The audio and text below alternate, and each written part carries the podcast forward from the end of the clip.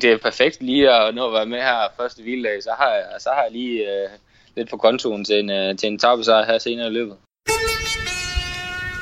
Rodalia. Rodalia.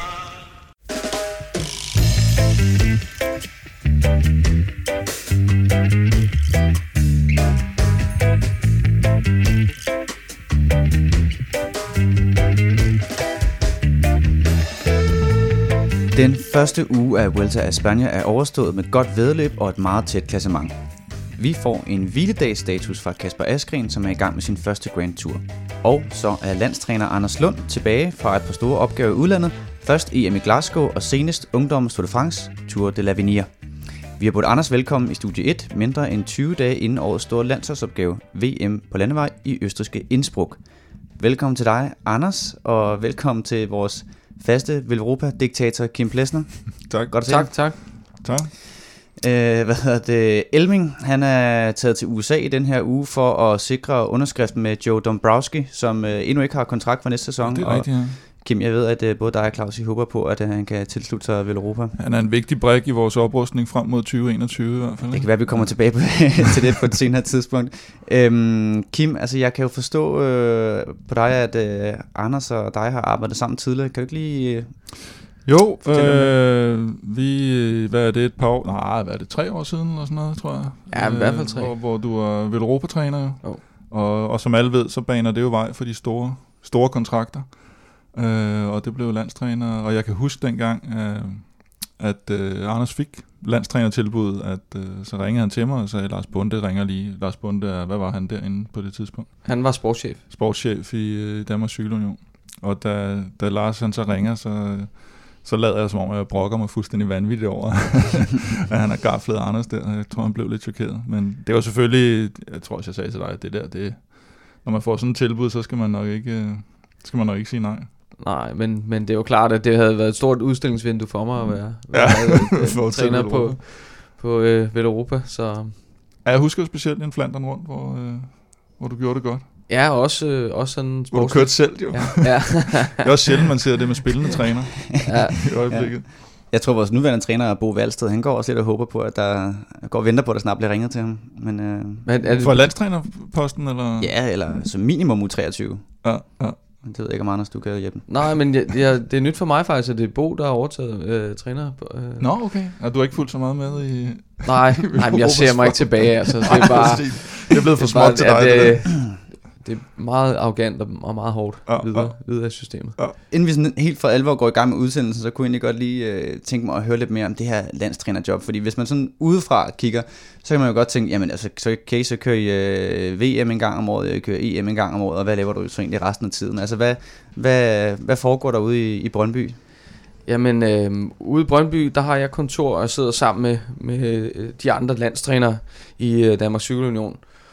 Øhm, og så kan man sige, mit, mit job består, det, den største del af det er øh, at arbejde med U23-rytterne, øhm, som er ligesom den, ja, øh, det jeg startede ud som, som, som U23-landstræner, og, øh, og er det stadig det øh, kernen i, i, øh, i mit virke derude i DSU.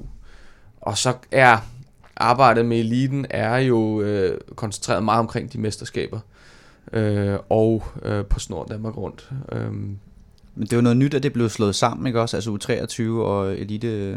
jo, øh, man kan sige, det var jo lidt i, i mangel af bedre øh, øh, derude, fordi jeg, jeg var jo den øh, tilbage, sådan ligesom øh, efter, efter Lars Bunde, han, han, øh, han, øh, han forlod DCU, og så og så fik jeg øh, midlertidigt chancen som, som, øh, øh, som chef for eliten der i, i Doha, øh, og, øh, og, så, og så også i Bergen. Og så blev det mere sådan officielt i år, med at jeg fik en, en, en fin stilling som, eller en fin uh, titel som cheflandstræner her i, i foråret var det. Um, så, så det er ligesom, det er ligesom gangen i det. Cool. Og øh, uanset om du derude, du følger os på iTunes, SoundCloud, Spotify eller en anden øh, podcast-app, så er det en rigtig god idé at abonnere på Velropa Podcast. Så går du nemlig aldrig glip af et nyt afsnit, og smid dig gerne en lille anmeldelse, når nu du er i gang. Husk, at du kan følge os på Twitter og Instagram på snabelag Velropa og på facebook.com Velropa.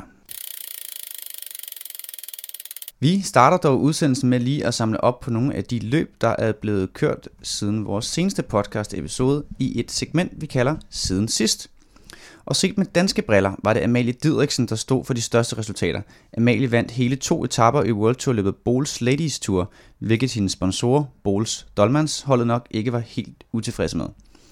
Der var også danskere i aktion i weekenden i øh, Bruxelles Cycling Classic, Tour of Britain og Grand Prix Fumier. I Bruxelles var Lars Bak og Astana stagiaren Jonas Gregor i udbrud, og Bak blev først hentet 10 km før mål. Anders, en af dine drenge fra Lavenir, øh, som vi kommer tilbage til senere, havde øh, taget noget form med fra Frankrig til Belgien, så det ud til. Ja, altså Jonas Gregor øh, var lige ved at lave et, et, øh, et topresultat i, i Tour de l'Avenir. Gik desværre ned sidste etape, men, øh, men er en rigtig dygtig rytter, og, og har, øh, arbejdet meget øh, seriøst frem mod øh, Lavenir, så at han kommer ud med noget form på den anden side, det er ikke øh, overraskende. Der var lidt snak i, i øh, sidste podcast omkring, hvad der egentlig var en, øh, et succesfuldt Tour de l'Avenir for jer, og man kunne snakke lidt om, at var top 5 og måske realistisk, og podiet ville have været, været rigtig godt. Hvad, hvad er det for en følelse, I står tilbage med egentlig om på Tour de l'Avenir? Jamen, men det er lidt øh, øh, sådan både og, fordi at det var en rigtig, det var et rigtig godt cykelløb, og, øh, og holdet gjorde det rigtig godt, da vi vandt holdløbet. Øhm, og, og generelt synes jeg, var jeg meget tilfreds med organisationen, og de kørte virkelig koncentreret i, øh, i, på, på, på samtlige etapper. Men, men øh, man kan sige, at resultatet udeblev øh, klassementsmæssigt øh, med, at, at, at Jonas Gregor mistede øh, sin placering sidste dag, og, og i virkeligheden mistede det hele på et, et eneste bjerg. Det næste sidste bjerg, hvor han taber over fire minutter. Bare på det bjerg, og så holder i virkeligheden Skansen øh, øh, det sidste stykke. Øhm, så det var jo ærgerligt og, og, og, og, og skuffende på den måde, at, øh, at, at det, lignede, det lignede noget mere, og han, han klart øh, altså, øh, havde potentiale til at, til at lave et, et topresultat. Men det var jo ikke sådan, vi gik ind med um, um, sådan altså realistiske forventninger om podie. Altså det, så skulle, så skulle meget gå, gå godt. Altså der var nogle store mm. navne til start, og, øh, og Gregor er, um, er stadig øh, i, i en udvikling sådan øh, i, i forhold til sin bjergform, og, og øhm, øh, så, så altså top 5 havde været fantastisk, øh, men, øh, men, øh, men, og det var egentlig også tæt på. Yes.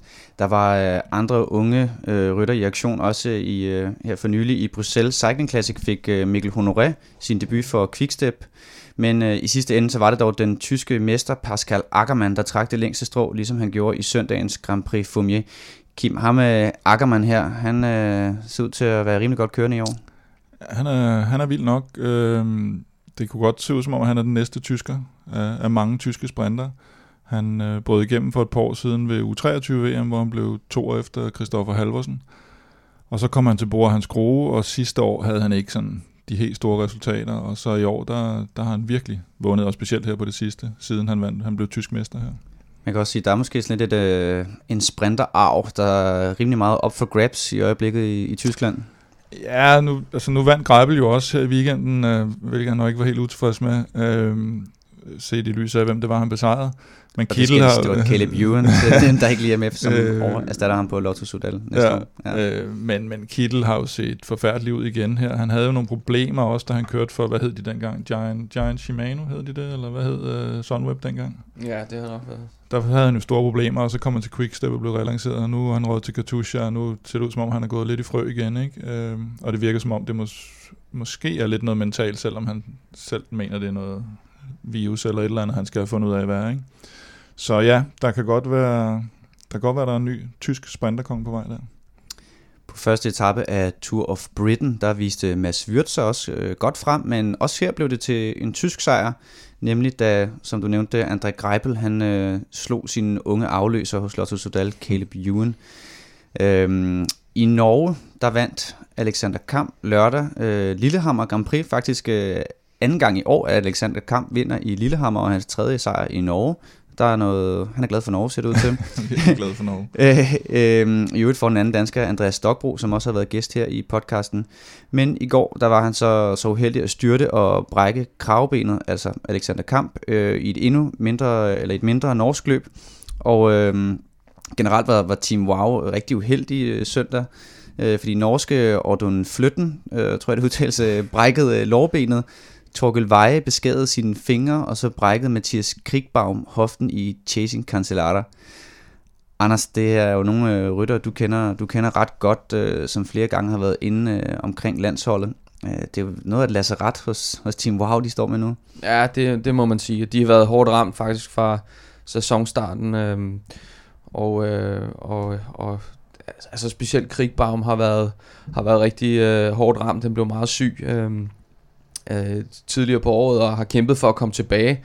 Og, øh, og er begyndt, nu, eller begyndte så at køre cykelløb for en, en måneds tid siden. Øh, og, øh, og så er det jo bare fantastisk uheldigt for ham, at han, at han styrer det på den måde, han gør. Øh, det er jo en rytter, som er et, et fantastisk talent, og, og, og, og sidste år øh, begyndte at finde, finde takterne igen, og kørte rigtig stærkt. Øh, og, øh, og, og, og virkelig havde noget, og tror jeg også, øh, altså han havde noget, noget, noget super benzin og, og, og motivation til at vise, at, at, øh, at han altså kan noget på den cykel. Øh, så, så det har været et forrygende, forfærdeligt år for ham, øh, med, med alt det, han har været udsat for. Så, så jeg håber, han, øh, han er okay og, og, og kommer godt igen.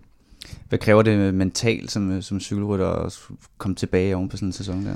Ja, men det, det, er, det er jo helt urimeligt at, at, at først at skulle igennem så hårdt et, et, et, øh, sygdomsforløb, som han har været, og med, med alt det, som alle de øh, frustrationer, der, der følger af det, og så komme tilbage og begynde at, at, at føle sig bedre tilpas, og så ryge ned igen. Øhm, han var jo... Øh, Krigbauer kommet ind over øh, banen øh, og, og, og 4 km holdet. Øh, og, og det har også givet ham øh, motivation og ligesom sat ham i en træningssætning, som har været, har været god for ham. Øh, og så ligesom, at han ikke har kunne få, få øh, ja, han ikke, han ikke har, ja, har, kunne, har kunne få at udnytte den mulighed, det er, det er virkelig ærgerligt. Det er, det er virkelig surt. Hvordan med sådan noget, nu, der har været en del, nu så jeg på Facebook, tror jeg det var, der var lidt bøvl med sådan noget med, hvad skal de stille op til sådan noget? Og, altså det er, jo, det er jo helt åndssvagt, han styrter et løb som Chasing Cancellara, kan man sige, set i bagklodskabens lys, men hvordan, hvordan ser du sådan noget, hvis du havde været sportsdirektør på, på, øh, på et hold?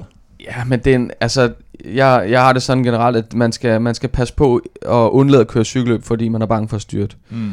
Øh, så, så altså, der er jo øh, alt muligt med gadeløb, og i fuldsang røg jo også ned øh, mm. hårdt sidste år i gadeløb i Herning, og, og brækket øh, øh, kravbenet, tror jeg det var, eller øh, et eller andet brækket han i hvert fald. Så man kan sige, at, at at, øh, at, at hvis, man er, hvis man ikke stiller op, fordi man hele tiden er bange for at styrte, så, så tror jeg ikke, man, det, det, det tror jeg ikke på. Altså man skal, man skal, man skal køre sin, sin cykelløb, og hvis det passer at køre et, et showløb eller et gadeløb, øh, så, så skal man gøre det, øh, hvis det passer. Altså det skal, mm. det skal i hvert fald ikke være frygten for at styre det, synes jeg.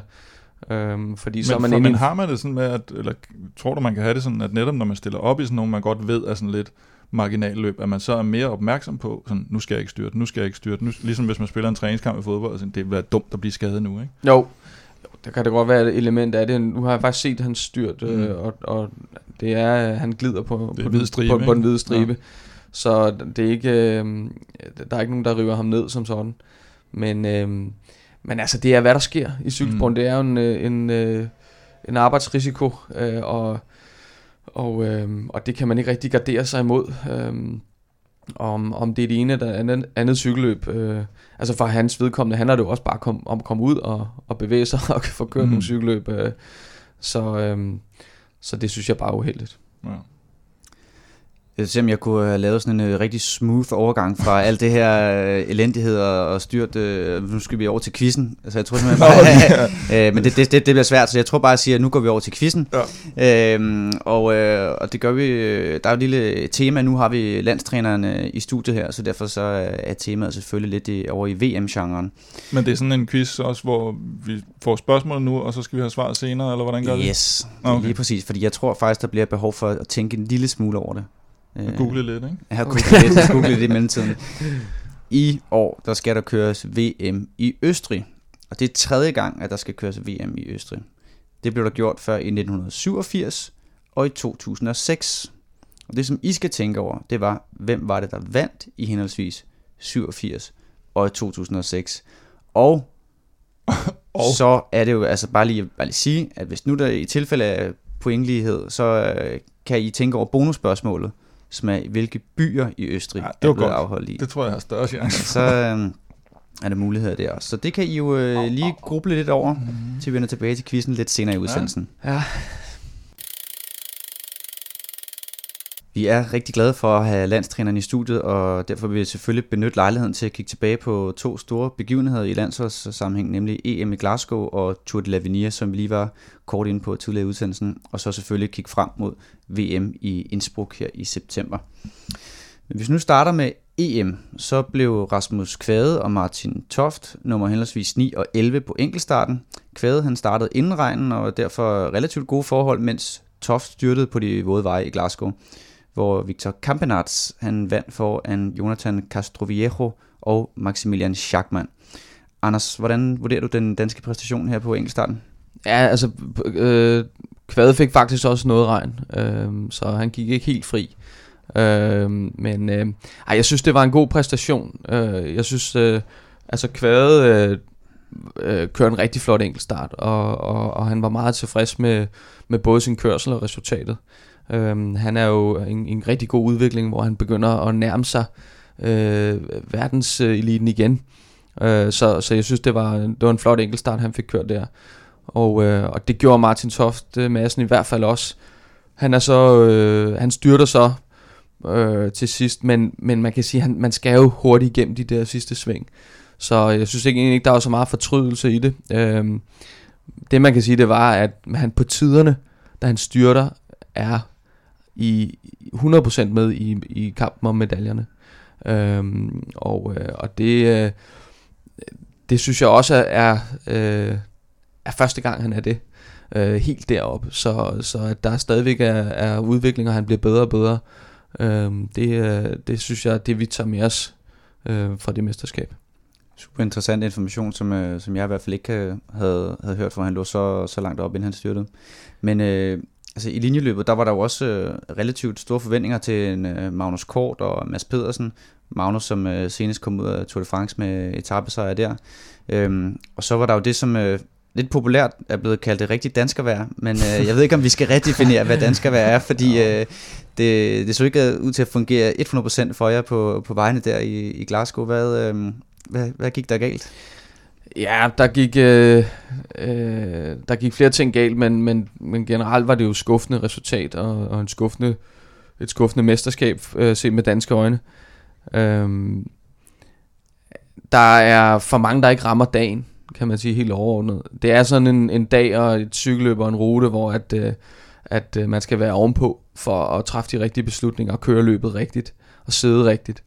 Øhm, og, øhm, og det var, som, var, der var vi ikke som hold. Øhm, og øh, jeg kunne nok også have gjort det bedre taktisk øh, med mit oplæg. Altså det vi, det vi retrospektivt skulle have gjort, det var jo at sætte os op og føre sammen med belgierne og Italien, italienerne Hvornår tænker du, I skulle fra starten.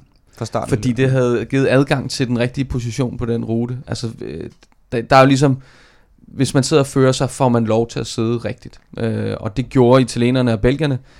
Øh, selvfølgelig havde de set over deres hold jo et stærkere hold og stærkere motiv til at tage ansvaret.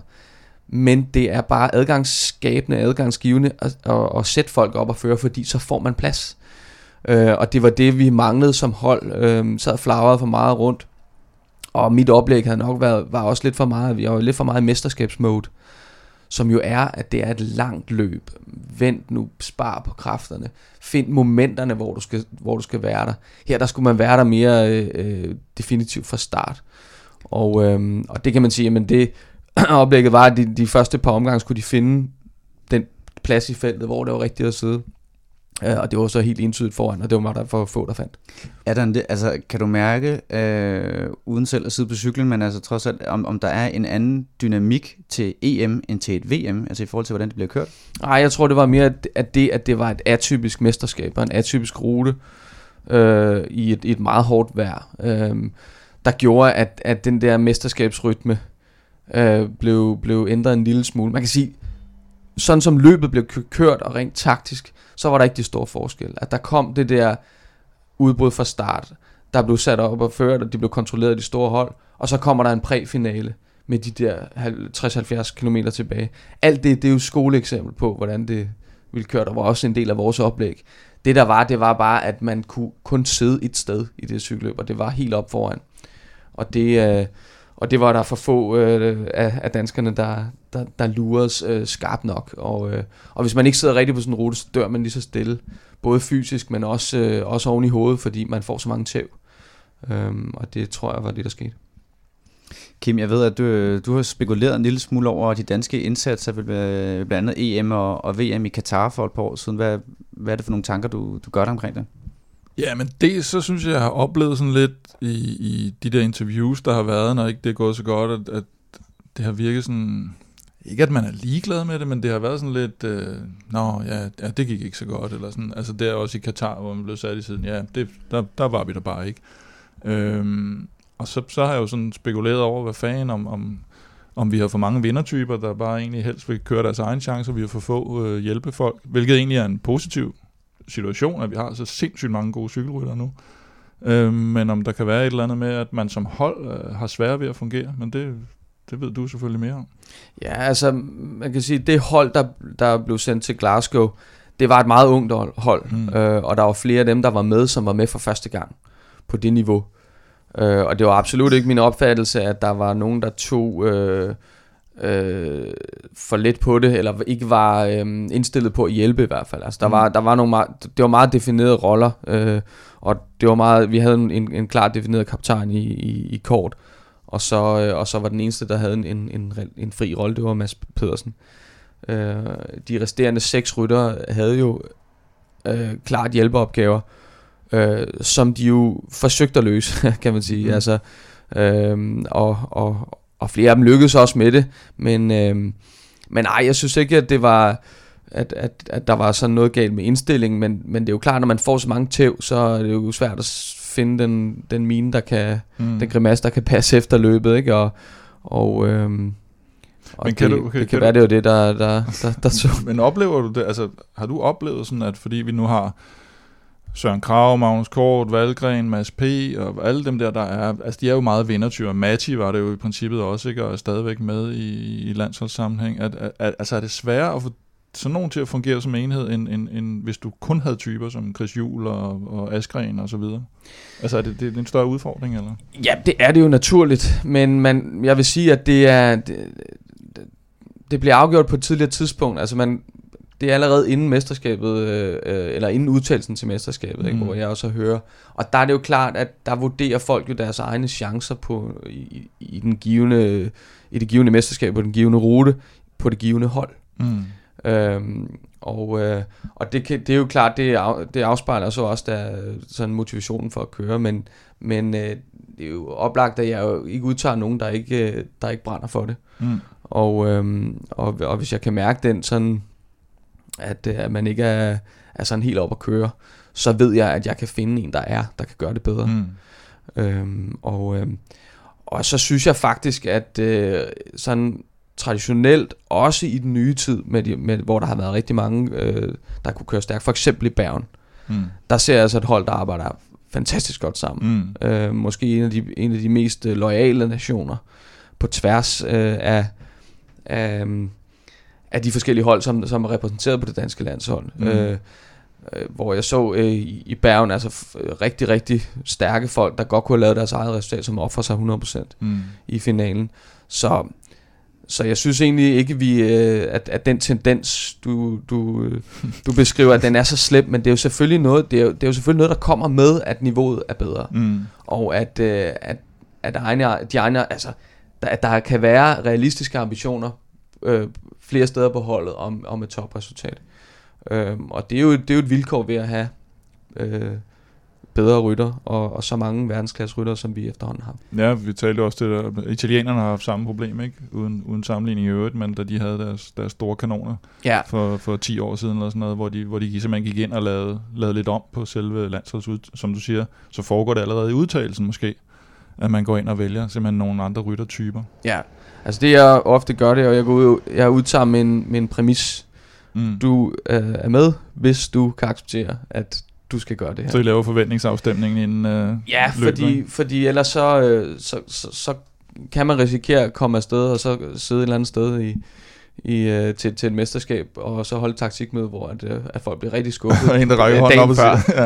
det, det, der, det der havde jeg ikke lige... Øh. Øhm, Men har du oplevet, uden at det behøver vi ikke at sætte navn på, men har du oplevet så, at der er nogen, der lidt er trådt ud over den der forventning, altså som har gået med på en forventningsafstemning, og så kunne du mærke til med, at det var egentlig bare for at komme med, men Nej. vedkommende var ikke... Øh... Det har jeg, det har jeg ikke oplevet. Nå. Øhm, øh, det eneste, jeg oplevede, det var med, med Michael Mørkøv, hvor han var øh, i forhold til Magnus Kort, hvem der var hurtigst af de to i, i Doha.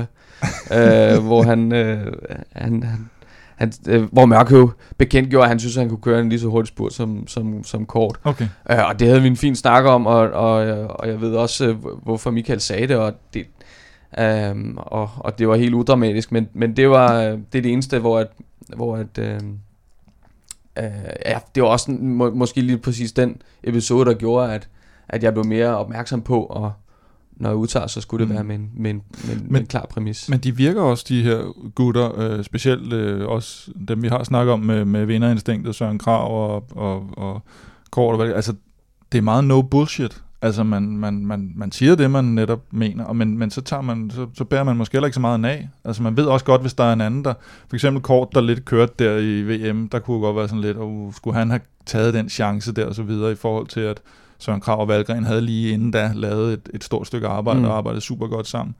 Men det virker også som om, at man ved, jeg havde også selv gjort det. Er der lidt den der, øh, netop fordi de er vindertyper, ikke? Ja, men, og, så, og de kender hinanden rigtig godt. Ja. Ja. Altså, de har jo kørt sammen. Øh, i, den, i, den, I den nye generation har de jo alle sammen kørt sammen på U23-landsholdet, og også ofte været i situationer, hvor at de var flere, der kunne vinde. Mm. Øhm, og jeg synes også bare, altså, øh, øh, da, da Kort vinder sin etape i Tour de France, øh, hvor han sidder Præcis. med Valgren, altså det er jo også et eksempel på, at der sidder altså to toprytter, danske rytter, Ja. Ja. der er i stand til at køre. Og rigtig Valgren vinder. Amstel, ikke? Med, jo, med jo med, fu- med Ja, fuld sang, ja, lige præcis.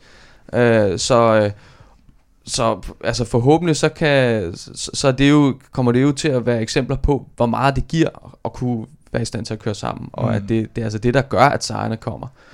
Øhm, og, øhm, og det synes jeg, det synes jeg også er fedt i et, øh, i et VM-perspektiv, at, øh, at, øh, at de er gode til at køre sammen i de der finaler. Og hvis du bare skal være den, der skal fordele, hvem der skal have sejrene til et VM på et tidspunkt, så er vi også ved at være nået et stykke vej. ja, og så på et tidspunkt, så kan det jo også godt være, at man ikke kan arbejde med, altså at der kan være flere øh, kaptajner, øh, det har vi jo også, øh, det har jeg jo også øh, haft før Ja. ja. på, på holdet, ikke?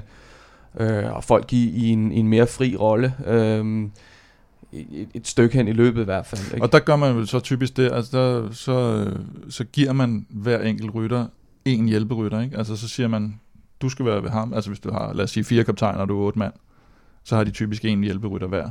Eller kan, kan det være sådan, man gør? Ja, og det kommer, det kommer igen an på, hvor, hvor, hvor skarp en, en, en defineret første kaptajn man har, hvordan Ja. den fordeling bliver, hvor mange, hvor mange jokerpladser der egentlig er, øh, hvor mange heste man spiller på. Ikke? Det, Mm. mm. det afhænger jo af, af, af kvaliteten af, af, af, af, overkaptajnen, kan man sige. Ikke? Ja, ja, ja. Så, øhm, så der er flere forhold i det, men, men, øh, men det er jo aldrig dårligt at have folk, der, øh, der har drømmen i maven også om at, at, at lave et godt resultat, fordi det er jo også befordrende for, at øh, man sidder der i finalen til det. Ikke? Nu øh, var det en lidt en øh, lang udenomsnak det der, men, øh, men Udenomsnak, det hvad- var meget- var meget- Nej, men i forhold til, hvor vi startede, men det var faktisk, jeg, jeg hæfter mig med, ja, nu skal vi ikke, fordi vi skal gøre snakke meget længere, men jeg hæfter mig med en, en, i, i forhold til Kims observation omkring rytterne, interviewsene efter løbet, hvor de virker sådan rimelig afslappet omkring, at de er udgået. Øhm, jeg tænker bare, hvis jeg sådan tænker tilbage på, der er sådan nogle ret legendariske interview med, fra, fra 90'erne, for eksempel med, med Rolf eller Skiby og sådan noget, der banner og svogler og fuldstændig rasende over et eller andet, der er gået galt. Øh, og så nu til i dag, hvor man ser en Magnus Kort for eksempel, der står sådan rimelig afslappet og tørt konstaterer, at Nå, jamen, det gik ikke helt, som, som vi måske havde håbet på, og sådan noget. Kunne man ikke godt, altså sådan nogle som landstræner, jeg kunne i hvert fald som ser for en fjernsyn, og det kan godt være, der foregår noget andet i, i bag kulissen og i bussen og sådan noget, men jeg savner lidt nogen, der, der går ud og siger, fuck noget pis, og vi er helt rasende over, at det gik bedre. Kan man ikke som landstræner ønske sig, at der var lidt mere sådan fandme voldsked? Jo, det, det, altså, det kunne man godt, og specielt i, i, i EM-sammenhæng, men, øh, men altså, der er jo også forskellige måder, at man kan, altså, det er også Når man forskellige har- personligheder. Ja, og man, når man står af efter sådan løb og har fået tæv i, øh, i, i lang tid, og altså, øh, hvordan, hvordan Kort lige reagerer. Jeg ved, jeg ved at han var, øh, var, var skuffet, og specielt over, at han, at han måtte udgå, som han gjorde med en defekt. Øh, og, øh, og, øh, og, og hvordan han ser ud bagefter. Altså jeg tror, jeg tror også, der sidder meget, der er meget frustration bag skærmene, som du også øh, selv er inde på. Ikke? Altså hvordan man sidder og ser et, et dansk hold, der, der er mere eller mindre i opløsning, ikke? Og, og, og med de forventninger, der har været til, til løbet, og så ser kaptajnen bagefter øh, ikke være lige så skuffet som selv, eller fremstå sådan, ikke? Ja. Men, men altså, øh, når man har fået, når man har kørt et, et, et hårdt cykelløb, og, og, og adrenalin er ude af kroppen, så, øh, så kan man måske også fremstå mere, mere rolig, end man måske er. Så er man måske bare glad for, at det overstået. Ja, det er værd det. yes. Øhm, nå, vi skal videre øh, på sporet her. Efter et, øhm, efter det her EM, så var du, Anders, også et smut med U23-rytterne til Tour de l'Avenir, hvor øh, Magnus Bak Kleis, han kørte sig op i klassementet med en anden plads på et tidspunkt, da et udbrud holdt hjem på anden etape, og så var den tidligere vinder her af juniorernes Paris-Roubaix pludselig favorit til at tage føretrøjen på holdtidskørselen, som Danmark der også vandt. Og Kim, han nåede da også at få meldt ud af det hele, at øh, Magnus Bach Kleis, han var på vej i føretrøjen, men øh, så fandt vi så ud af, at han var sgu ikke helt kommet med i, i målet sammen med resten af holdet, så hvad var det lige præcis, der, der gik galt der undervejs? Ej, det var meget ulykkeligt for, for Magnus, fordi han havde virkelig kørt flot, og øh, var faktisk også en stor del af, af sejren på holdløbet.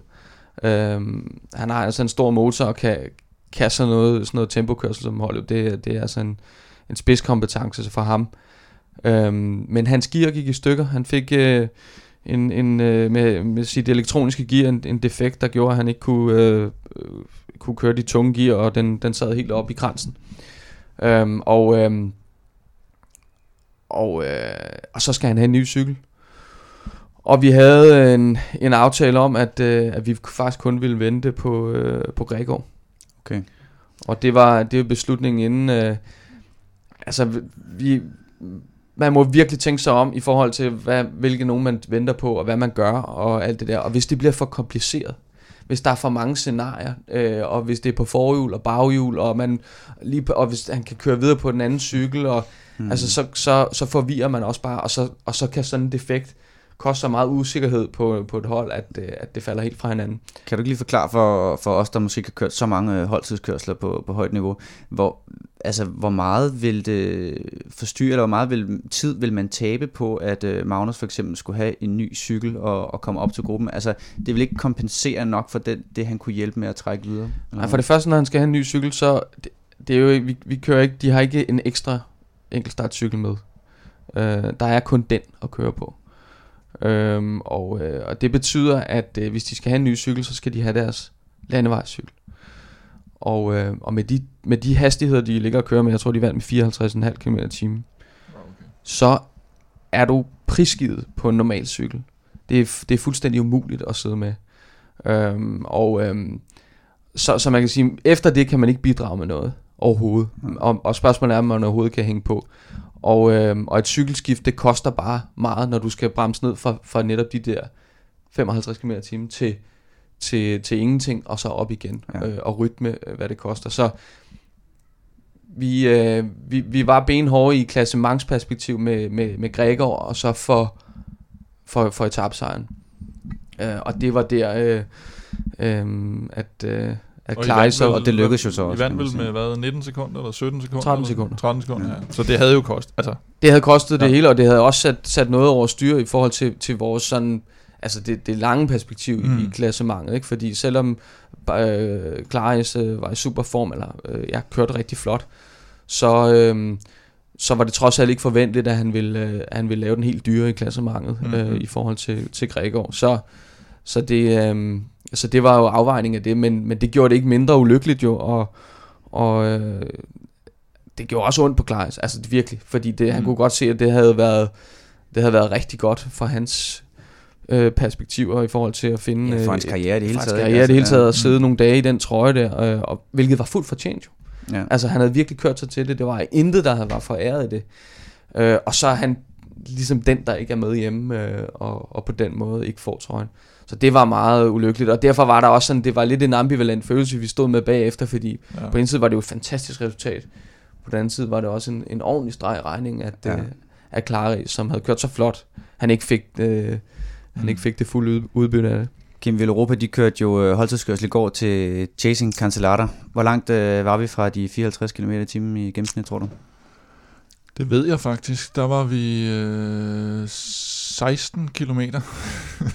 okay, havde vi, havde, vi, havde vi ventet på en eventuel defekt, tror du? Øh, Villeuropa venter aldrig. Sådan.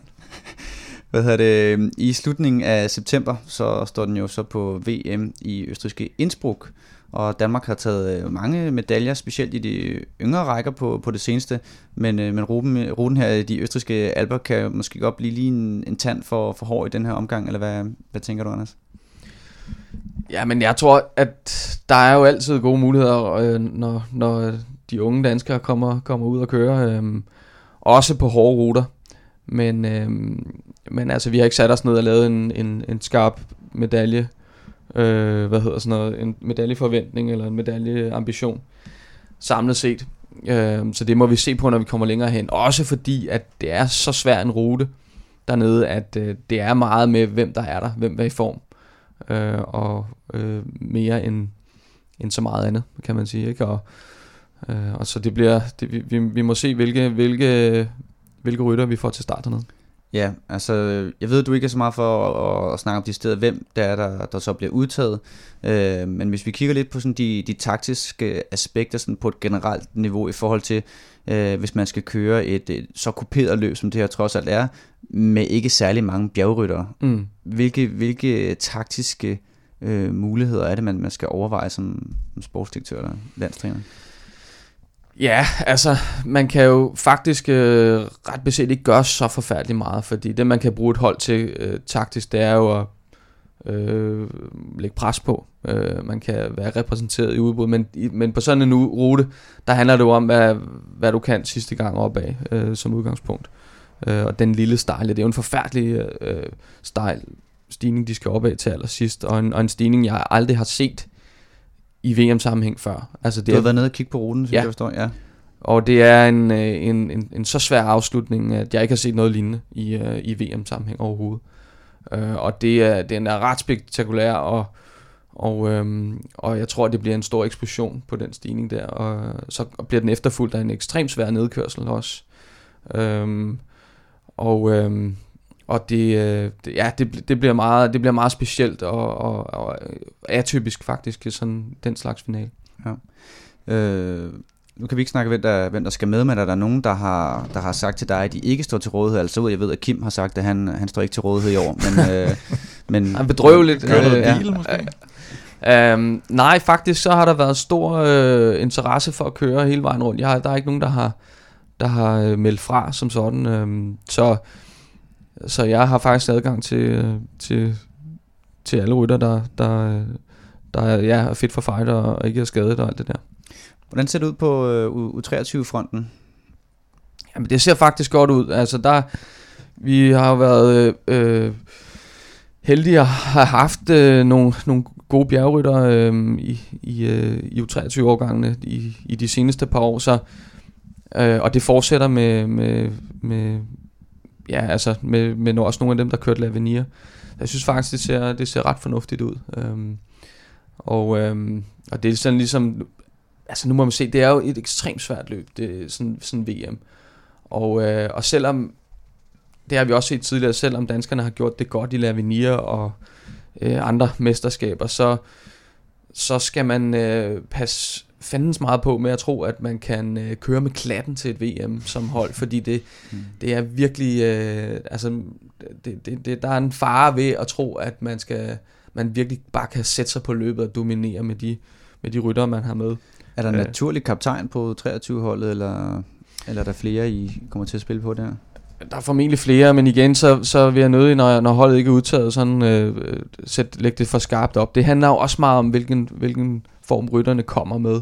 Øh, det gør det også for eliten. Øh, hvor skarp, hvor skarpt øh, det bliver defineret med, med hvem der skal... Øh, og, altså hvor, hvor, hvor meget opbakning der bliver kanaliseret ind på, den, på en rytter, det afhænger mm. sådan af, af kvalit eller hvad hedder det, af, af den form, som, som bliver bragt med dernede. Men kan, øh, sådan en som Niklas E., er han i spil til U23 egentlig? Nej, han er, øh, han er, øh, han er ikke U23 længere. Han havde sit sidste U23 år sidste år. Okay. Ja, fordi du må jo egentlig gerne, selvom du er, hvem var det, der var Lennart Kemner og sådan nogen, var jo med i U23 VM sidste år, tror jeg, selvom de var kommet på Sunweb, så det er ikke noget at gøre med, om du er blevet professionel, det er rent Nej. Øh, år, årgangsmæssigt. Ja, altså, jeg har så nogle, jeg har så en generel holdning til det, at, øh, at når du er videre på, øh, specielt på World Tour niveau, at, øh, at så skal man, øh, så skal man virkelig overveje, hvad det er, man vil øh, til du 23 VM. Mm. Øh, så synes jeg, det skal være alle, der gør det. Mm. Men, men det der med, at, at det bliver sådan lidt et pseudo-mesterskab, hvis, hvis man er den eneste World Tour 23 rytter, der stiller ja. op, ja. og de resterende, hvad kan man sige, fem, de kører, de kører elitens. Øhm, så enten skal der være konsensus om at stille op i U23 for alle, øh, også professionelt, eller også så synes jeg, de skal være de skal, de skal holde sig til, til, mm. øhm, til, til Man har så teknisk set i spil til eliteholdet, og ja. øh, Vingegård har vi også snakket lidt om, ja. har været sådan lidt skadet, kunne jo i topform også godt have kørt klasse mange i Lavinia. Ja. Hvordan tror du i forhold til, at han kan blive klar til, til Innsbruck?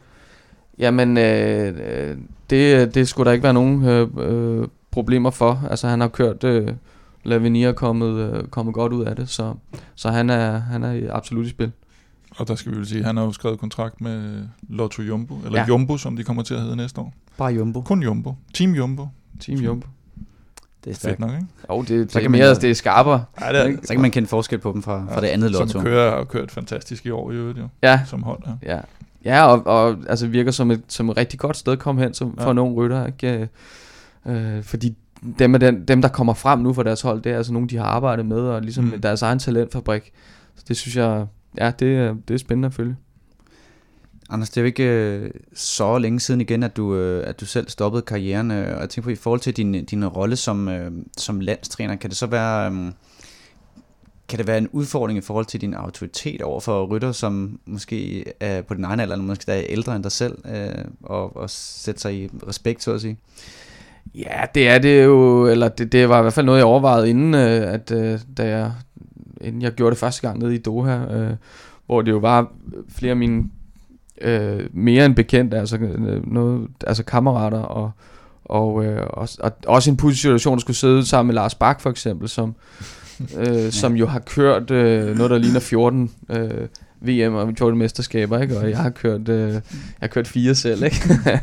så, øh, og så sidder og, og, og, og lægge teksten ned foran ham, men, men, men det er jo så heller ikke nødvendigt, altså på den måde, altså man skal jo ikke komme ind som en anden øh, skolemester, og så stå med, med, med en tavle og, et, øh, og, en, og en pegepind, og så, altså, noget af det er jo også i dialog, og så gør jeg det, at, at øh, jeg har nogle, jeg jeg læner mig op af og, og, og, og prøver at snakke noget, øh, noget taktik med. Øh, Hvem er det for eksempel? Fortæller, jamen altså i, i EM, TM var det øh, Mørke og, og var også i forhold til, altså Mørke øh, er en meget erfaren mand øh, og, øh, og, og også en, en, øh, en rytter, som jeg øh, respekterer meget sådan øh, på hans, øh, hans faglighed.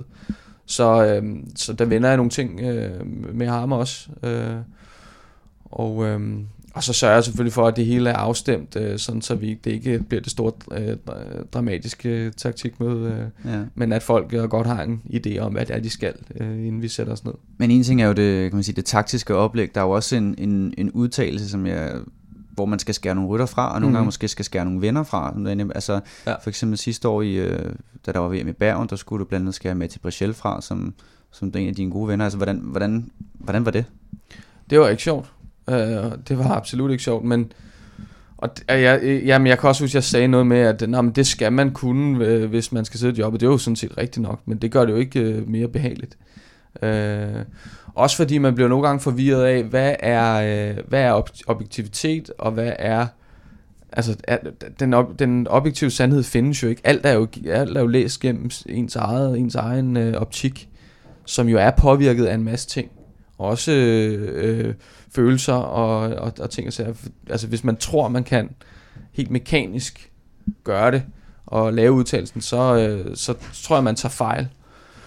Og, øh, øh, og det skal man jo så bare være opmærksom på, øh, at, at, det er, at det er ligesom et vilkår. Øh, men, øh, men meget den der intuition og fornemmelse for, hvad, hvem der skal køre, den bliver man jo også nødt til at stole på. Øhm, og uanset hvem man er venner med. Fordi hvis det er helt mekanisk, og hvis det, hvis det er bare øh, altså sort-hvidt og objektivitet, så er det jo en, øh, en, øh, en computer, der kan gøre det. Ikke? Øh, en, en algoritme, der regner ud øh, et eller andet. Ikke? Så, så en af, en af, altså et lod for en landstræner er jo også at stole på den intuition, der er, hmm. med alle de input, der er, som også er følelser og venskaber og øh, antipatier, hvis der er sådan nogle, og alt det der. Altså, det, det må være den samlede pakke. Og så må man jo blive bedømt bagefter på, om man har Men I har er stadig gode venner, dig og Matti. Ja, vi er stadig gode venner. Nu må vi så se, øh, hvad der sker. Ej, Ej, men... men, vi også er venner om en måned. ej, vi, vi, nu har vi jo fået vendt nogle ting også omkring måden at gøre det på, fordi der, det er jo svært, øh, hvordan man takler det, og hvordan man snakker om det, øh, når det ikke... Øh, Skal du ringe til Mørke? Mørke, kan du ikke sige til Matti, at han ikke er Ah, men, nej, men, øh, nej det, det gør jeg ikke. Men øhm, ja, så øhm, sådan det. Okay. Nå, vi skal også lige øh, nå at vinde øh, generelt sådan VM-løbet her. Hvem, er, hvem der er favorit til at vinde det? Hvem, øh, hvem tror du på, Kim? Og nu snakker vi selvfølgelig herrenes øh, elite Ja. her, bare lige for... Altså, jeg har sgu sådan lidt... Jeg har ikke sådan gået helt dybt i researchen på... Altså, Colombia har jo et vanvittigt hold, men jeg har også en eller anden fornemmelse af, at de næsten har for mange. Øh, og så har jeg lidt en fidus til, at Nibali han får kørt sig lidt i form i Vueltaen, og han er bare en vedløbsrytter, øh, ikke? Og, Han har også noget revanche til gode for Rio, kan man sige, hvor han... Ja, altså Så- viste han i Milano Sanremo, at han godt kan køre endagsløb også. Ikke? Så jeg, jeg, jeg tror sgu, jeg går lidt med ham. Ja. Hvad tror du, Anders? Jamen altså, øh, jeg er faktisk rigtig meget enig, og da jeg så ruten øh, sidste år, øh, hvor vi var nede og, og, og køre rundt på den, der, øh, der tænkte jeg Nibali med det samme. Mm. Øh, den afslutning og, og den nedkørsel der, det, det, det kan ikke være meget mere skræddersyet for ham. Men er han eksplosiv nok til selve stigningen til sidst? Eller skal det, vi ud det, noget... Altså, det, ja, det, det tror jeg. Ja. Øhm, Bare det er jo også lidt en mulighed, men jeg ved sgu ikke lige med hans form. altså, det, det, det er jo så stejlt og, og så, så vanskelig en rute øhm, i det hele taget, at det handler jo meget om, hvem der har benene til sidst. Mm. Hvem der kan køre de lange cykelløb. Og, og Nibali er bare en, en uh, stor mester til, til de mm. der endagsløb, og, og en, en, en, en klasse mesterskabsrytter. Og har jo netop det der med både at kunne køre mesterskab og, øh, og, og bjerge. Øhm, og, øh, og det må man jo stadigvæk ikke tage fejl af. At det er et mesterskab, og de skal, øh, selvom det er seks gange på den der 8 km inden, så, øh, så er der stadigvæk en nedkørsel og et fladt stykke og hen igen. Det vil sige, at hvis du er god til at køre de der mesterskabsløb og spare kræfter, så vinder du meget. Øh, når det er sagt, så, er der, så, så tror jeg slet ikke på, øh, på, på Sagan. Altså det er Mm. ikke en, altså det vil, det vil komme meget, meget, meget bag på mig, hvis han, hvis han er der til sidst. Men øh, en, øh, en, øh, en Simon Yates i form måske, øh, Ja, det er rigtigt. øh, kan, kan også sådan noget. Øh, og øh, ja, så Adam Yates, Adam- Adam han, Yates, han, han- kører og sparer kræfter i hvert fald i ja, Vueltaen, må man ja sige. og, og, og har vundet øhm, øhm, han vandt øh, San Sebastian øh, Mm. i 15 på, på også på med, med, med sådan en eksplosiv øh, finish der, ikke? Så, Ja. så der er altså, men det er den type rytter. Det Mm. tror jeg på. Ben King vandt søndag sin anden etappesejr i Weltagen, da han gik dybt og fornemt holdt den jagtende Bauke Mollema bag sig på den sidste stigning. Klassementet er på ingen måde afgjort. Faktisk er det enormt tæt efter den første uge, hvor Alejandro Valverde også har markeret sig med et par etappesejre, men ikke ser ud til at køre klassement. Selvom han i øjeblikket faktisk kun er et sekund efter Simon Yates i den samlede stilling. Anders, hvor meget af Vuelta får du tid til at se i øjeblikket? Jamen desværre ikke så meget, som jeg gerne vil. Øhm, jeg har lige øh, pustet lidt ud efter, øh, efter en, en, en hård august måned, og, og har været lidt sammen med min familie, og har ikke synes, jeg kunne spille øh, øh, fjernsynskortet alt for, for hårdt om eftermiddagen, når jeg kom hjem fra arbejde. Så, men, Det er jo arbejde, jo. Øh, ja, det er arbejde, øh, men øh, ej, jeg, jeg, har set det i, jeg har set noget i weekenden, og, og, og øh, har ab- absolut ambitioner om at få set mere her den, her den øh, næste tid. Cool. Hvem tror du vinder Vueltaen? Ja, det, det, øh, det er et godt spørgsmål. Øhm, Det kunne godt være, at, øh, at Lopez han er ved at være klar til at, til at tage den helt store. Ja, jeg synes, der er, hvad er der? Quintana, Lopez og Uran. Uran, ja. ja. Uran kan vel for fanden ikke. Så bliver jeg nødt til at sige Quintana. Du siger Quintana. Det er de tre, jeg synes, der ikke har vist svaghedstegn indtil videre i hvert fald. Cool. Hvad med Yates? Han tror ikke på. Altså, som er i trøjen nu. Mm, jo, men jeg synes bare ikke, han så for godt ud i går. På, han, han mistede lidt til sidst, så hvis det bliver, hvis det bliver endnu hårdere end det, altså jeg synes ikke, de kørte ikke så meget i går, de hvad kørte de en 4-5 km, blev der kørt hårdt, ikke? Når de kommer på de der, hvor de, hvor de kører måske over et par bjerge og sådan noget, der, der kunne det godt se ud, som om han ikke lige har det der dieseltræk. Han har jo selvfølgelig, kommer også godt op til sidst, det har han altid, de, de gode afslutninger, ikke? Så, øh, og så gik han lidt ned i Ginoen, det tror jeg stadigvæk ligger sådan lidt i baghovedet på ham. Lige om lidt, så skal vi høre fra Grand Tour debutanten Kasper Askren og hans oplevelse i årets Vuelta a España. Men først, der skal vi altså have afgjort den quiz, som jeg fik sat i gang øh, tidligere i udsendelsen. Og øh, for lige at minde jer om, hvad, hvad spørgsmålet var, så var det, øh, at der to gange tidligere er blevet kørt VM i Østrig i henholdsvis 87 og 2006. Og mit første spørgsmål, mm. det var, hvem vandt i henholdsvis 87 og 2006. Og Anders, fordi du er gæst, så får du lov til at starte. Nej, det, Øh, og du må starte bare med, med den ene af dem. det er meget, det, er næsten, det bliver næsten en ydmygelse der, fordi jeg, har- jeg har ikke rigtig noget godt bud. Jeg ved, at, øh, Hvad siger at, landstræneren? 2006 var Salzburg. Øh, er Nu foregriber du lidt uh, quizzen, Ja. men det er okay. Så får Nå, du, nå, det må- det var ikke det. det er okay. Jo, det må Ej, det, må, det, det, det er fint nok. Nå, hvad skulle jeg så, så sagt? Hvem der vandt? Nå, hvem der vandt? Øh, jamen, det er jo så det. Det er jo så næste. Jeg var U23-rytter. Og, Men ja, øh, det er korrekt. Salzburg, det var øh, 2006. Ja. Ja, og det blev vundet af... Du var U23 der, Jeg var U23-rytter. og du var selv med? Ja, jeg kørte selv. Øh, ikke blev du? Jeg blev nummer 25 eller sådan noget. Nå, det Det var var ikke lidt- dårligt. Nej, men det var ikke, øh, hvad jeg håbede på. Jeg var faktisk kaptajn på et Uh, tidspunkt. Det var min, øh, det var min storhedstid der som U23. Øhm, nej, hvem, hvem vinder eliten? Det gør... øhm, jamen altså, jeg kan næsten ikke... Øh, jeg kan næsten ikke huske det. Men, jeg, øh, jeg, jeg, ja, altså, jeg, jeg vil også, sige... øh, Salzburg er jeg også med på, men, øh, og det var en af de ting, jeg kunne huske. Jeg men tror, det er Bettini. Du kommer med et bud, og det er Paolo Bettini. Paolo Bettini. Det vil jeg også Kim. sagt. Så må jeg sige noget andet. Så må jeg sige noget andet. Hvad fanden skal jeg sige? Jamen, det er et super godt bud. Nå, det er jeg glad for.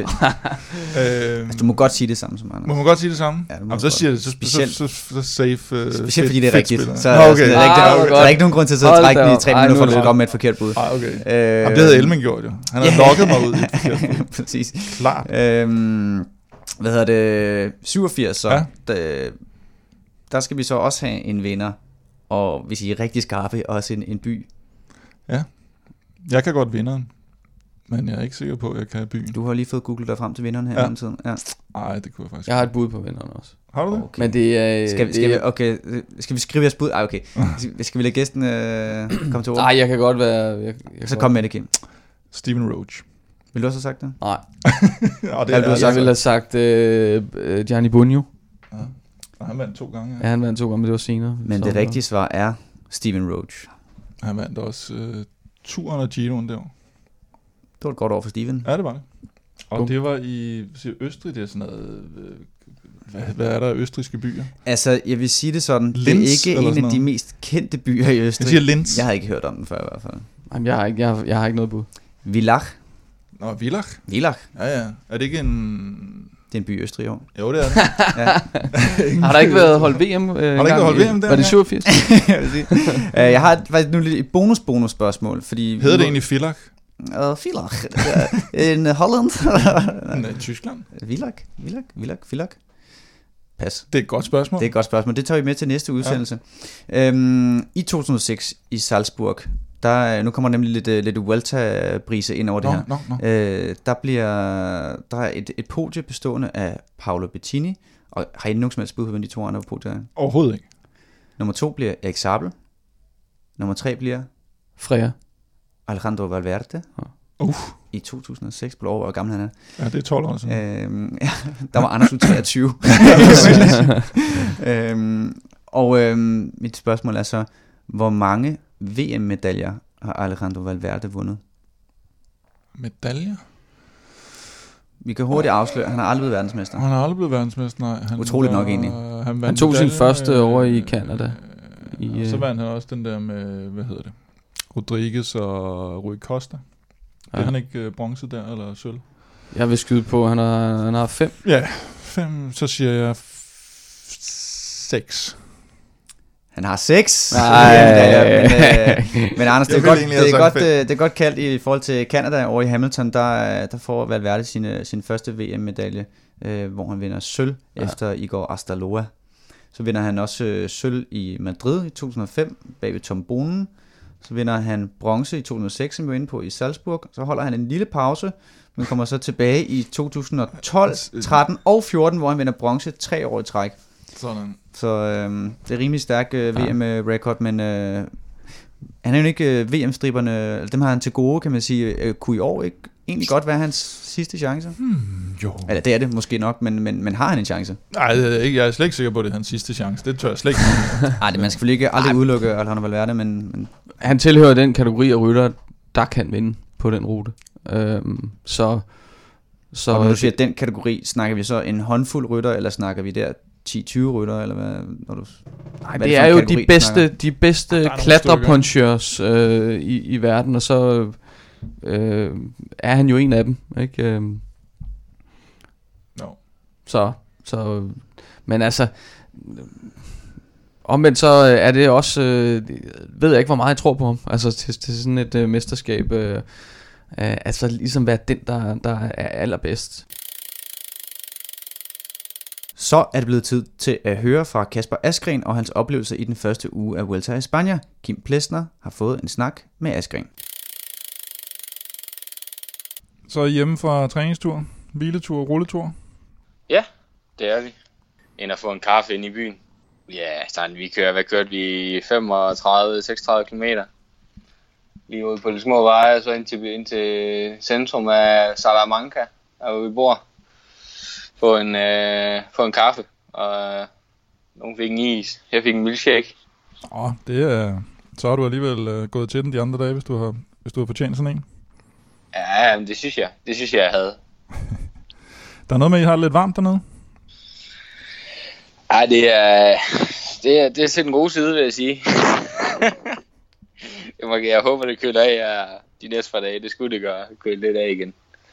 Men der er der, man øh, ki- kigger ned på Garmin, og der så står øh, 40 grader, og man bare sidder og er ved at koge over fuldstændig, og man så tager, tager lidt øh, vand og hælder over hovedet, men det vand, der kommer ud af dunken, det, det, det er bare varmt. Altså, det hjælper ikke noget som helst. Nej, det, er ikke, øh, øh, det, er ikke, nær- det er ikke det sjoveste. det er nærmest også 40 grader. Hvordan med, hvad, hvad synes du, nu har du, nu har du kørt en god uges tid øh, i din første Grand Tour. Hvad, hvad, er dit, hvad er dit umiddelbare overordnede indtryk? Jamen, øh, jeg synes faktisk, det går, øh, det går meget godt. Øh, jeg, er ikke så, jeg er ikke så træt, som jeg kunne have frygtet på nuværende tidspunkt. Øh, så øh, forløbig, så, så, er det, så er det en meget god oplevelse. Så du er ikke slidt ned til sokkerholderen allerede? Nej, ikke nu. Men hvad er det Jeg er sikker hårdt? på, at det skal nok komme. Ja, det er der ingen tvivl. Men hvad, hvad er egentlig det hårdeste for dig? Er det de dage, hvor, hvor I ligesom er i spil med, med, med noget sprinterafgørelse, eller er det, er det bjergetapperne, fordi de er hårde, men, men der har du til gengæld ikke så meget arbejde? Ja, bjergetapperne er selvfølgelig hårde, ikke? fordi altså, du, du skal jo op over de der stigninger der. Øh, men jeg vil faktisk sige, de, hår, de hårdeste dage, eller den hårdeste dag, vi har haft indtil nu, det var sådan en, det var sådan en mellemkuperet etape, hvor der kom et øh, udbrud af sted, og feltet kunne ikke lige helt øh, blive, øh, blive enige med sig selv om, om det var nogen, der skulle hentes igen, eller, eller om de skulle have lov at køre hjem. Og så blev der bare kørt rigtig træls øh, stærkt op over sådan en hel masse små bakker hele dagen. Og det, det, det har nok været den hårdeste etape indtil nu.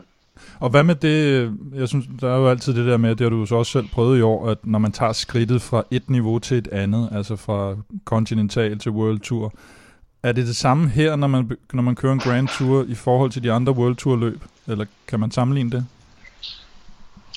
Ja, men det synes jeg helt sikkert godt, man kan. Altså, øh, der bliver lige kørt, øh, kørt lidt stærkere, øh, sådan generelt øh, op ad stigninger og sådan noget nu. Det er ikke fordi, at det, det, det, det er sådan det mest øh, øh, sprinter og øh, der er ikke, så- der er ikke sådan super mange øh, af tunge rytter, sprinter og, og enkeltstartsrytter og sådan noget til start her. Der er, der er øh, flest bjergrytter. Så det, det gør jo også bare, at der bliver lige kørt der bliver lige kørt lidt stærkere op af hele tiden, ikke? Øh, og det, det kan man godt mærke. Og hvad med dig selv? Tror, øh, har du udsigt til at, at få din egen chance enten på, i et udbrud eller på en øh, eller på enkeltstarten selvfølgelig? Jamen, enkeltstarten, der, der regner jeg i hvert fald med at give den, øh, give den en over nakken, og faktisk i går, der, øh, der havde jeg også fået lov til at køre med i udbrud, men jeg havde fået, øh, fået instrukser om, at jeg måtte ikke køre med, mindre der kørte øh, 15-20 mand. Så, øh, der, og der kørte kun 11, og jeg sad klar der, der de var kørt, og så ventede på, at der var nogle flere, der skulle forsøge at køre op, og vi forsøgte også nogle gange nogle stykker at, at springe op til dem, men, men øh, der var Francis de de var sådan rimelig øh, kontant i, at øh, nu skulle der ikke flere afsted, så øh, det, der kom jeg desværre ikke, øh, der kom jeg desværre ikke væk. Nej, jeg så godt der på øh, lige nedkørslen efter den første lille stigning, at du lå i front. Jeg troede egentlig, det var for, for at lukke et hul, men øh, det var simpelthen for at komme afsted. Ja, det var fordi, øh, jeg havde følt egentlig, øh, jeg var, jeg havde, jeg følte, jeg følte mig frisk i kroppen der om morgenen, og så tænkte jeg, øh, jamen, øh, nu har jeg fået, nu har jeg fået muligheden for det, og så vil jeg egentlig gerne prøve at komme afsted i et udbrud. Men øh, ja, jeg skulle, ikke, øh, jeg skulle ikke lige være den første, der angreb. så øh, jeg var nødt til at bare lige at sidde og vente på, at øh, der var nogen, der, nogen, der kørte, og der kom en, en ordentlig størrelse gruppe afsted. Og hvad med din, altså sådan en etape som i går, der sidder man jo og tænker lidt, jamen, hvad har du af chancer mod en, en målemar i en, i en finale? Den, altså, terrænet dernede er jo nærmest sådan her hele tiden. Ser du det mere for at få noget erfaring, eller, eller tror du på, at du har, har mulighed for at lave et rigtig godt resultat, selv når det er kuperet? Ja, altså nu har jeg set, øh, nogle af, ud, øh, nogle af udbryderne holder hjem i går. Jeg tror, det var omkring halvdelen af dem, de, de, nåede, øh, de nåede op til toppen, før favoritterne kom blæsende. Øh, og hvis jeg, kan, hvis jeg kan køre top 10 på en af etaperne hernede, så vil det være et øh, fantastisk øh, resultat for mig. Så det at ramme udbuddet og så håbe på, at vi holder hjem øh, og sidder og regne med, at jeg kan køre op med Molema op af sådan en stigning, som, øh, som vi går, det, det, det, det vil nok være utopi, og det, det, det tror jeg selvfølgelig heller ikke. Men altså, kan jeg bare øh, komme ind øh, for favoritterne og på den måde helt ind i top 10, så vil det være et stort resultat for mig. Ikke? Jo, det er klart. Og hvad er et stort resultat for dig på enkeltstarten? Ja, på enkeltstarten, jamen, ja, jeg ved det ikke, altså. Der er vi henne i, i sidste halvdel, eller sidste uh, tredjedel også uh, af, af, af turen her, så uh, jeg ved ikke lige helt, hvor, hvor kroppen står på det tidspunkt. Uh, så, så altså, jeg har ikke rigtig sat nogen forventninger op øh, om, hvad resultatmæssigt, hvad jeg, gerne vil, hvad jeg gerne vil opnå, for jeg ved ikke, hvad jeg kan på det tidspunkt. Og stemningen på holdet, Viviani var, var ret suveræn til at starte med, så han misset, misset et par gange, og, og, og Mars han røg lidt tilbage i går i, i klassementet. Hvordan, hvordan er den generelle stemning på holdet lige nu? Jamen, jeg synes, den er, jeg synes, den er god. Øh, det er selvfølgelig ærgerligt, øh, især den der re, rene sprinteretappe, øh, der var, at, øh, at vi missede den. Øh, men de andre etaper, hvor vi, vi har prøvet at køre efter det, jamen, vi har nok godt lidt haft på fornemmelsen, at det nok ville blive svært øh, for ham at, at vinde der mod Valverde og Sagan og hvem der nu ellers er til start her. Øh, men nu er vi til start, og så kan vi lige så godt prøve at køre efter det. Det kan være, det kan være at vi er heldige, det lykkes. Hvad med resten af hviledagen? Hvad skal den bruges på? Jamen, nu skal vi ned og have noget frokost herinde så længe, og så skal jeg lige lave lidt indslag med TV2, og så tror jeg, jeg skal se lidt, øh, lidt film på Netflix, og så øh, spise igen, og så sove når du har følt med i, hvad der foregår i klassementskampen og sådan noget, til at, at, at danne dig et overblik over, hvem du tror, der vinder Vueltaen? Jeg må sige, at uh, Jace han ser, ser ud til at være godt kørende, og det virker også til, at han har han øh, passer lidt mere på sig selv, end han gjorde i, i Shion. Uh, øh, så jeg tror, han, uh, han kunne være et godt bud. Det er et godt bud, Kasper. Jeg vil lade dig øh, løbe ned til de andre gøremål, du har i dag. Og tak, fordi du gad at være med. Selvfølgelig. Nu, øh, nu satser jeg jo så på, at, øh, at jeg rammer udbuddet her i de næste par dage og, og vinder en etape, så vil Europa-effekten den fortsætter. Ja, vil Europa-effekten, den kan du være sikker på, ikke? Ja, lige præcis. Det, jeg tænkte, det er perfekt lige at nå at være med her første hviledag, så har jeg, så har jeg lige øh, lidt på kontoen til en, øh, til en så her senere i løbet. Så har du lidt at skyde med. Ja, lige præcis. Interessant at høre fra Kasper Askren, der får lov til at arbejde for sagen i varmen nede i Spanien.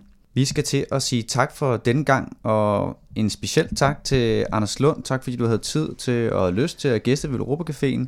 Det var en fornøjelse. Det var godt, og øh, selvfølgelig også tak til dig, Kim. Øh, jeg synes ikke, du har brokket dig sådan lige så meget over Europas øh, resultater i weekenden, som jeg egentlig havde frygtet.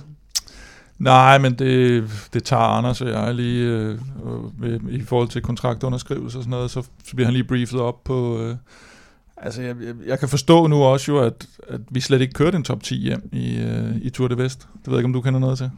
Øh, jeg må med skam melde, at det, det blev til en 11. plads i, i Tour de Vest. Ja, det er rigtigt. Men jeg vil faktisk sige, at jeg er faktisk i udbrud øh, indtil 10 km fra mål, og så rigtig godt ud, men alligevel så blev det altså... Ja, dårlige undskyldninger. Ja. Øh, det kender vi. Øh, nu har jeg lige fået en melding så om, at vi øh, kører på podiet i er det Bastrup Sø rundt, vi skal være med i næste video. Den er blevet meldt ud nu. Ja, ja den, er meldt ud nu. Så, så det så håber jeg, det kan være, det er ligesom Mourinho i Manchester United, at det, man får lige en chance mere, men, men den, det, det er ved at være tæt på nu, synes jeg også. At der skal være resultater snart. Hvis der er nogen, der har ambitioner derude om at køre sig til en plads på Velropas hold, så er der jo onsdagstræning fra caféen øh, kl. 17.30, sjovt nok om onsdagen, og øh, der er også søndagstræning, øh, men nu er der så Bastrup Sø rundt, men ellers normalt, så mødes vi jo klokken 9 på Velropa Caféen. Øh, hvis du gerne vil med, så hold øje på Facebook og sørg for at opdatere din garderobe med det nyeste Velropa outfit, hvis du ikke allerede har en original Velropa trøje. Fredag, Kim, der sker der noget stort. Der er comeback. Hvad foregår der? Der er fredagsbar. Hvad kommer Comeback til, til fredagsbar. Og jamen, jeg tror faktisk, der er god etape i Vueltaen, er der ikke? Øh, der må du hjælpe mig lidt. Det ved jeg faktisk ikke. Jeg tror, vi, vi kører en Vuelta-etape, og så kører vi jamen, til Svanien, Negroni, belgisk øl, og jeg ved ikke hvad. Det, det, bliver, det bliver vanvittigt, tror jeg. Det lyder simpelthen for lækkert, altså. Øhm, Velropa, det kan du jo følge på både uh, Twitter og Instagram på snabelag Velropa. Jeg ved ikke, Anders, er du på Twitter? Jeg er ikke på Twitter. Instagram? Ikke på Instagram, nej. Tinder? Nej, heller ikke. Ej. Man kan ikke finde dig nogen steder. du er off the grid. Nej, det, jeg... Øh, Men du kommer som regel til... Sporadisk, så frekventerer jeg Facebook. Ja. Okay. Og så har jeg en mailadresse, som, som bare... Øh. Som man bare kan sende billeder til. Fedt. Øh, hvad hedder det? Igen, tak til jer begge to, og tak for jer derude, som øh, lyttede med. Vamos! thank you